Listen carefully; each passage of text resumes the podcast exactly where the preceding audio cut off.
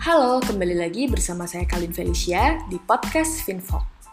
Saya percaya bahwa cara tercepat dan terefisien dalam mengembangkan suatu bisnis maupun portfolio investasi kita adalah belajar dari orang-orang yang sudah memiliki pengalaman sebelum kita.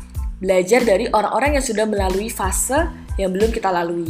Nah, hari ini kita punya kesempatan untuk belajar dari dua orang anak muda, sosok di balik Puyo Dessert Indonesia.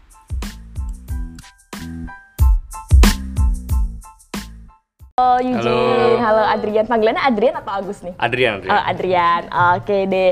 Nah, uh, boleh diceritain sedikit gak sih uh, perjalanan awal Puyo Dessert? Ya kan, sekarang kan udah banyak nih di kota-kota dan gampang banget buat kita temuin di setiap mall. Hampir di semua mall yang besar di ibu kota aku tuh kayak gampang nemuin Puyo. Nah, perjalanan awal kalian tuh gimana sih?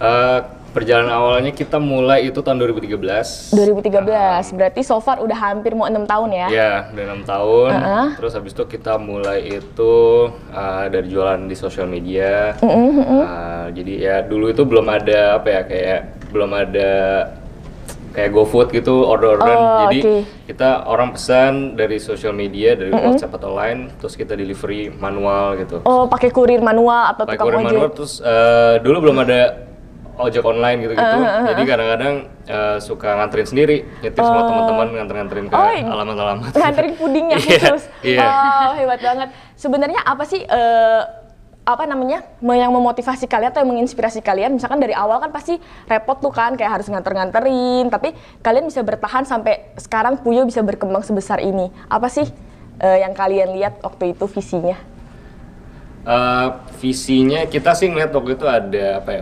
opportunity di mana uh um, makanan jenis uh, puding ini -huh. belum ada yang benar-benar top of mind gitu. -huh. Jadi kalau kita misalnya ke, ke mall mau es krim pasti kita udah tahu brand apa yang kita akan datengin gitu. Yeah. Kopi udah pasti tahu, tahu. apa. Tapi puding yang makan di Indonesia itu sebenarnya cukup common tapi uh, untuk yang benar-benar top of mind itu belum ada yang belum. terlalu uh, recognizable. Uh -uh. Jadi kita lihat ada ada opportunity di situ. Uh, jadi karena visi itu makanya Adrian sama Eugenie ini uh, rela ya. Awal-awal kan pasti susah kan kayak hmm. harus dari sosial media, antar sendiri. Itu karena visi itu ya. Iya, betul. Uh, hebat banget. Nah, menjadi pionir ini kan tidak mudah ya pokoknya menjadi orang yang nomor satu melakukan hal itu pasti akan ada banyak trial error, akan ada banyak bisikan-bisikan dari luar ya. Misalkan contohnya Aqua pertama kali jadi air mineral kemasan, orang bilangnya air kan murah, kenapa harus dikemas mm -hmm. gitu kan. Waktu kalian mau menjual Puyo di mall, itu ada gak sih bisikan-bisikan kayak gitu? Misalkan kayak ah puding mana bisa laku di mall, harganya puluhan ribu misalkan. Mm -hmm. Ada gak sih kayak gitu? Struggle-strugglenya. Ada gak ya? Uh, ngerti sih soalnya kan kita itu sebenarnya nge-serve puding yang di mana itu biasanya dibikin di rumah kan. Betul, ya. betul banget. Ya kayak aku zaman dulu tuh kalau mau makan puding ya masak sendiri. Betul, betul. kalau sekarang sih udah enggak. Benar, jadi pasti kalau ke kawinan atau ke ulang tahun kan mm. pasti ada orang yang bikinin uh, puding gitu. Iya, benar-benar. Jadi kita ngeliat sih uh, lebih kita nge-serve dengan cara yang lebih convenient, lebih praktikal yang orang bisa langsung beli langsung makan. Mm -hmm. um, lebih ke tes pasar sih orang willing gak sih sebenarnya untuk makan ini uh, langsung grab and go aja gitu. Oh, hmm. jadi awal-awal nih gambling dulu aja ya, coba yeah, dulu coba aja. Ya dulu. Tapi karena selain itu juga karena Puyo sendiri itu kita tidak dulu dari dulu tidak pernah nyebutnya tuh silky pudding atau namanya oh. puding kita mm -hmm. nyebutnya silky dessert oh, okay. namanya kan puyo silky dessert uh -huh. karena dari secara tekstur dari rasa itu beda dengan puding-puding um, tradisional atau pada umumnya yang di rumah kayak agar-agar ya, ya, ya, ya, atau um, puding coklat yang pakai fly yang disuguhin bisa sama tante atau yeah, mama yeah, yeah. di rumah acara lebaran atau natal uh, gitu ya.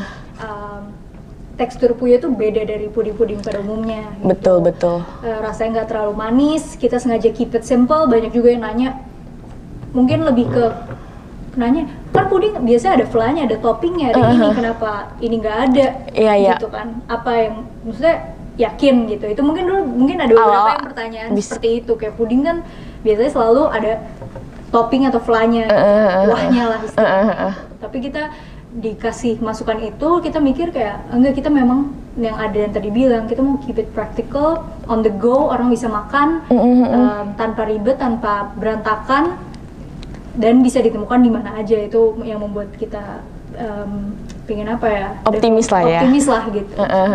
Dan juga uh, si Puyo ini tampilannya juga menarik soalnya warnanya ini kayak pastel pastel hmm. kayak menarik mata apalagi buat cewek. Kalau aku ya hmm. kali lihat Puyo itu gitu. Oh, jadi uh, itu yang membuat kalian tetap optimis ya karena kalian yakin ya produk gue ini beda dari puding-puding di rumahan gitu kan. Nah terus hmm, sebenarnya Puyo ini tuh awalnya gimana sih? Kalian kayak uh, dar dapat dari mana resepnya gitu? Apakah kalian emang nyoba sendiri atau gimana?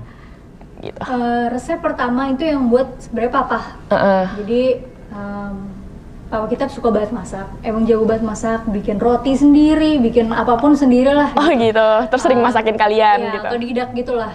Dan sering masakin kita kalau uh-huh. habis dinner kita suka makan ini puyo gitu puding dulu belum ada mereknya ya. Um, tapi Terus, rasanya ya belum rasa macam-macam seperti sekarang. Oh, baru kayak... bubblegum itu it's just a tapi udah silky? dessert.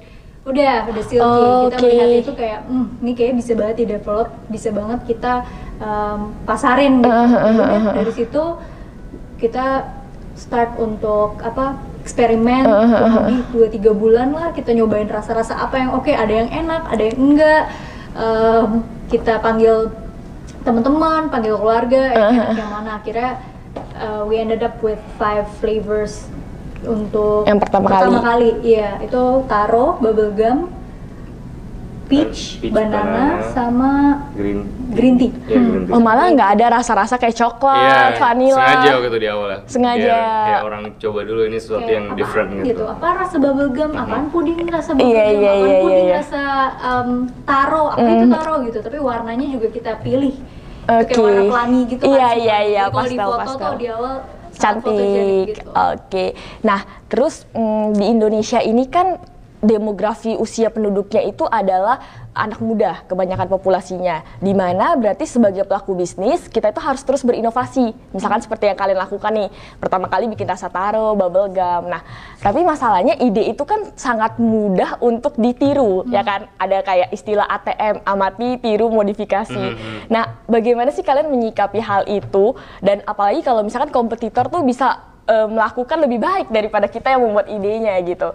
Gimana sih menurut Adrian atau Eugene sebagai pelaku bisnis gitu? Uh, apalagi kalau di F&B ya itu kan mm -hmm. sangat gampang kan resep juga gak mungkin dipatenin kan. Uh, mungkin uh, bikin apa kroket enak kita paten resep kroket gitu kan. Uh, iya iya iya. Jadi uh, kalau di F&B sebenarnya ya makanya dari awal kita uh, dari brandnya kita mau achieve uh, customer tuh percaya sama kita gitu. Mm. Jadi dari um, brandnya orang bisa ingat Puyo itu what, what Puyo stands for. Mm -hmm. uh, jadi nggak hanya uh, apa ya Puyo dilihatnya sebuah uh, brand yang keren, tapi juga brand yang trustworthy gitu. Oh, orang udah okay. tahu kalau beli Puyo itu apa yang dia expect dan kita harus terus deliver setiap kali dia beli uh -uh. yang dia expect yang dia expect uh, harus di meet baru akhirnya orang percaya sama brandnya. Mm -hmm. uh, jadi kalau misalnya emang kompetitor kan pasti banyak mm yang bisa bikin seperti ini tuh ada-ada aja gitu. Iya, betul. Tapi balik lagi kalau misalnya emang udah percaya sama sebuah brand, uh, kemungkinan kita berharapnya itu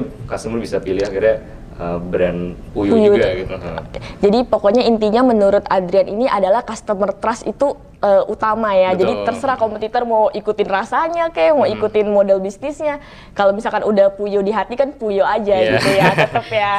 Keren keren keren. Nah, Terus hmm, pertanyaan yang terakhir nih sebelum kita masuk ke sesi Q&A. Banyak yang bilang katanya sebelum kita ketemu satu bisnis yang udah oke, okay, udah mantep, yang su udah sukses, biasanya kita melewati beberapa bisnis dulu nih yang jatuh bangun, gagal, mm-hmm. kayak gitu. Nah kalau kalian sendiri emang Puyo itu first bisnis terus tiba-tiba booming atau sebelumnya mungkin Adrian dan Eugene ini pernah kayak uh, bisnis yang lain sebelum Puyo gitu?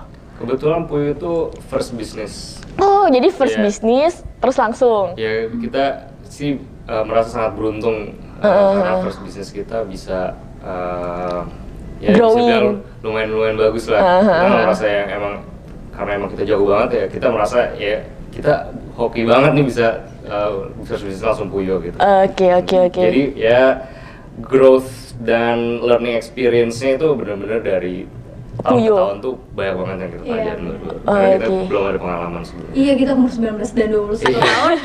Kira-kira belum ngerti apa-apa. Cuma I guess we learn by doing and dan kalian terus improve ya. Improve dan okay. we have an open mind minded ya kita we're very open minded lah jadi um, I guess itu penting banget loh untuk eh, seorang entrepreneur untuk punya uh, mindset seperti mindset itu. seperti itu gitu jadi Oke. Jadi kita belajar belajar terus belajar terus sampai sekarang kita juga belum merasa udah bisa gitu makanya begitu kita ada Sesuatu yang sesuatu baru. kita belajar kita cari tahu kita minta input orang gitu Oke, ya bener sih. Aku inget banget dulu temanku cerita kalau beli puyo itu ambil di rumah kalau nggak salah. Iya. Sampai terus tiba-tiba ada di mall eh, puding, terus sekarang tuh udah ada drinknya, udah ada minuman-minumannya, Iya, iya, iya. ada yogurtnya dan menurut aku sih itu kayak nggak bikin bosen dan apa ya kalau melihat tarik jauh ke belakang, kalian tuh terus bertumbuh gitu loh.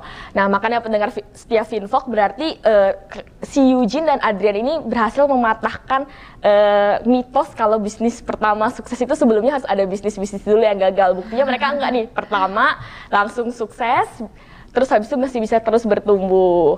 Oke. Nah, kita sekarang masuk ke sesi Q&A ya.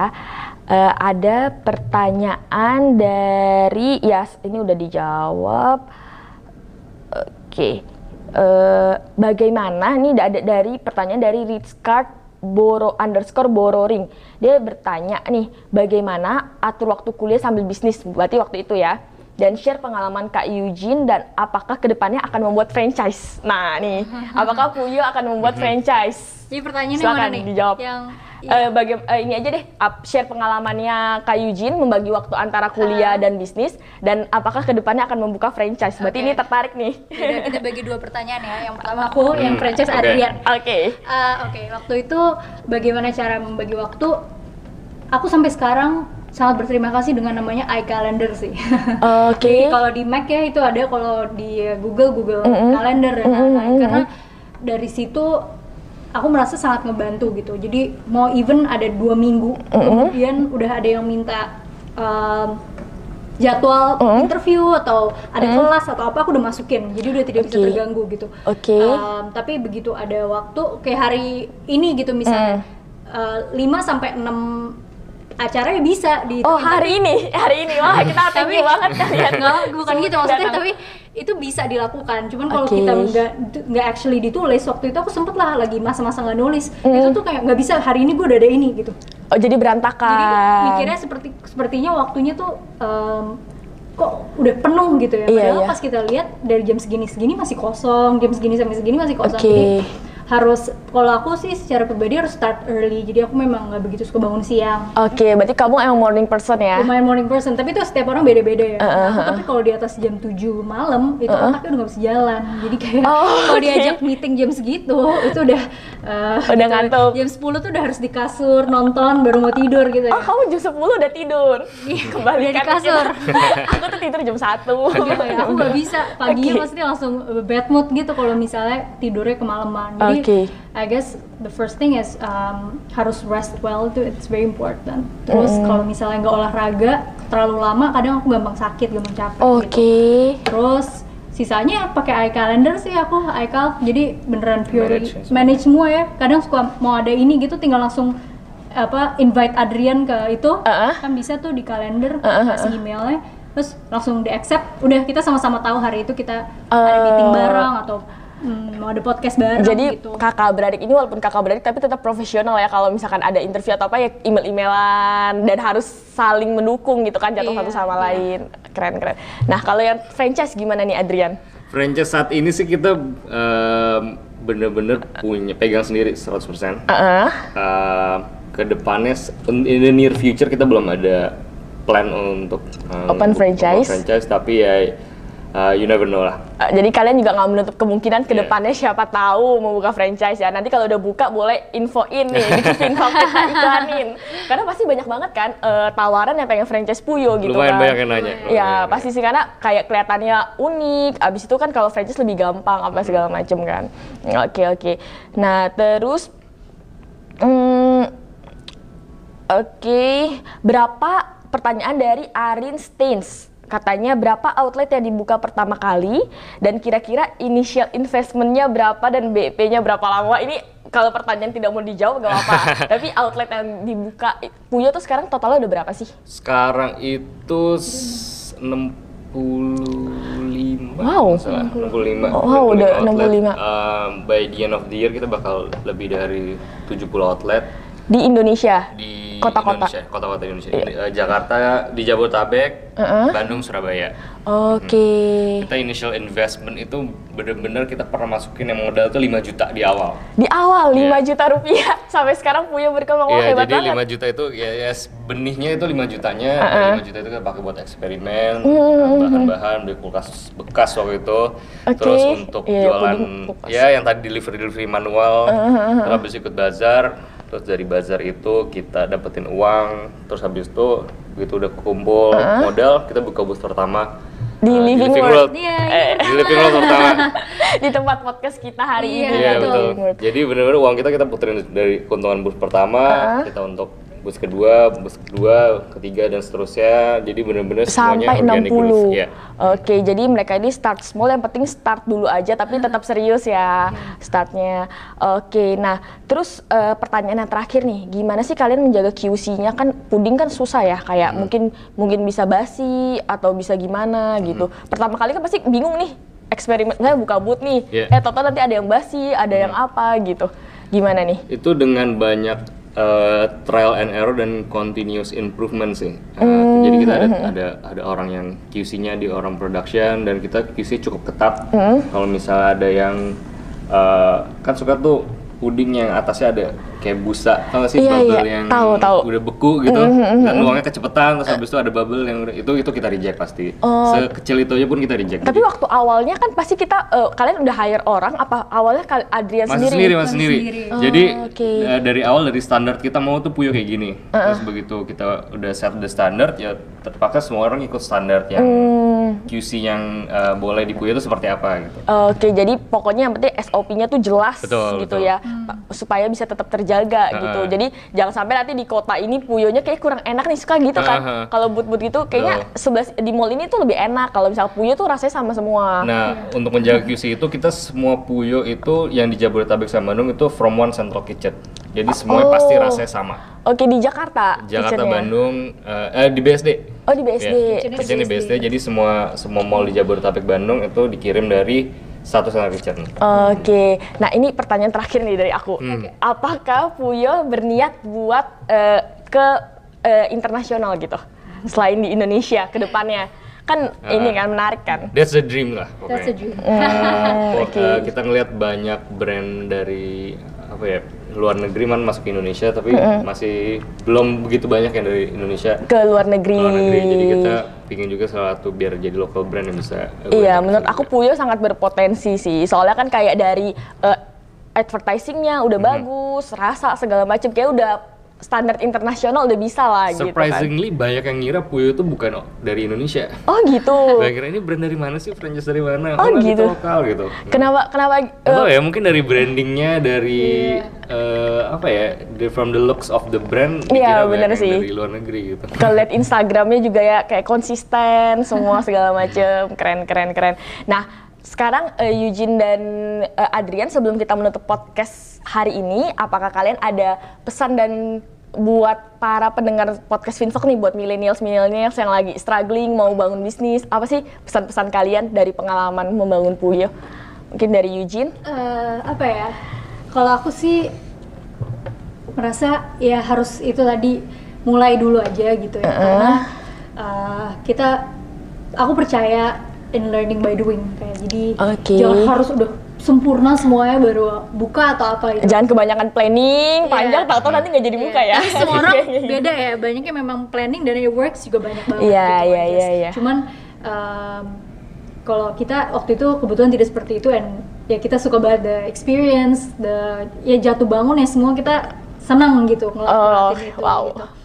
Uh, itu sih dan jangan malu gitu. Dulu sih zaman dulu mungkin uh, belum banyak mm -hmm. yang menjadi entrepreneur maksud aku 2013 ya, bener. tuh belum sebanyak sekarang belum menjadi oke okay, gitu semua orang tuh kerja di iya.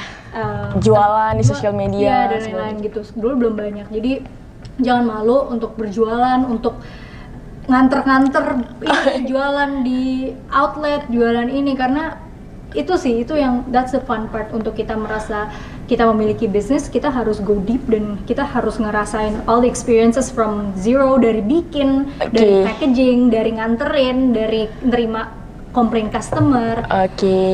Gitu sih. Jadi karena emang kalau bisnis owner kita bukan cuma harus operasional loh, kita harus bisa semuanya dari hmm. marketing, ya, operasional dan lain sebagainya dari kepala tahu. sampai uh, kaki. Jadi okay. itu sih karena semua nggak instan lah. Kayak yeah. istilahnya kita harus ng ngalamin itu semua gitu okay. baru punya rasa kepemilikan yang kuat lah wah gitu. keren nih foundernya Puyo ini nih baru nih entrepreneur muda Oke deh, thank you banget Adrian dan Eugene udah sempatin waktu dari punya enam acara hari ini pagi-pagi datang buat kasih kalian podcast Finvok. Oke, thank, thank you, you ya thank you. untuk hari ini. Oke, see you.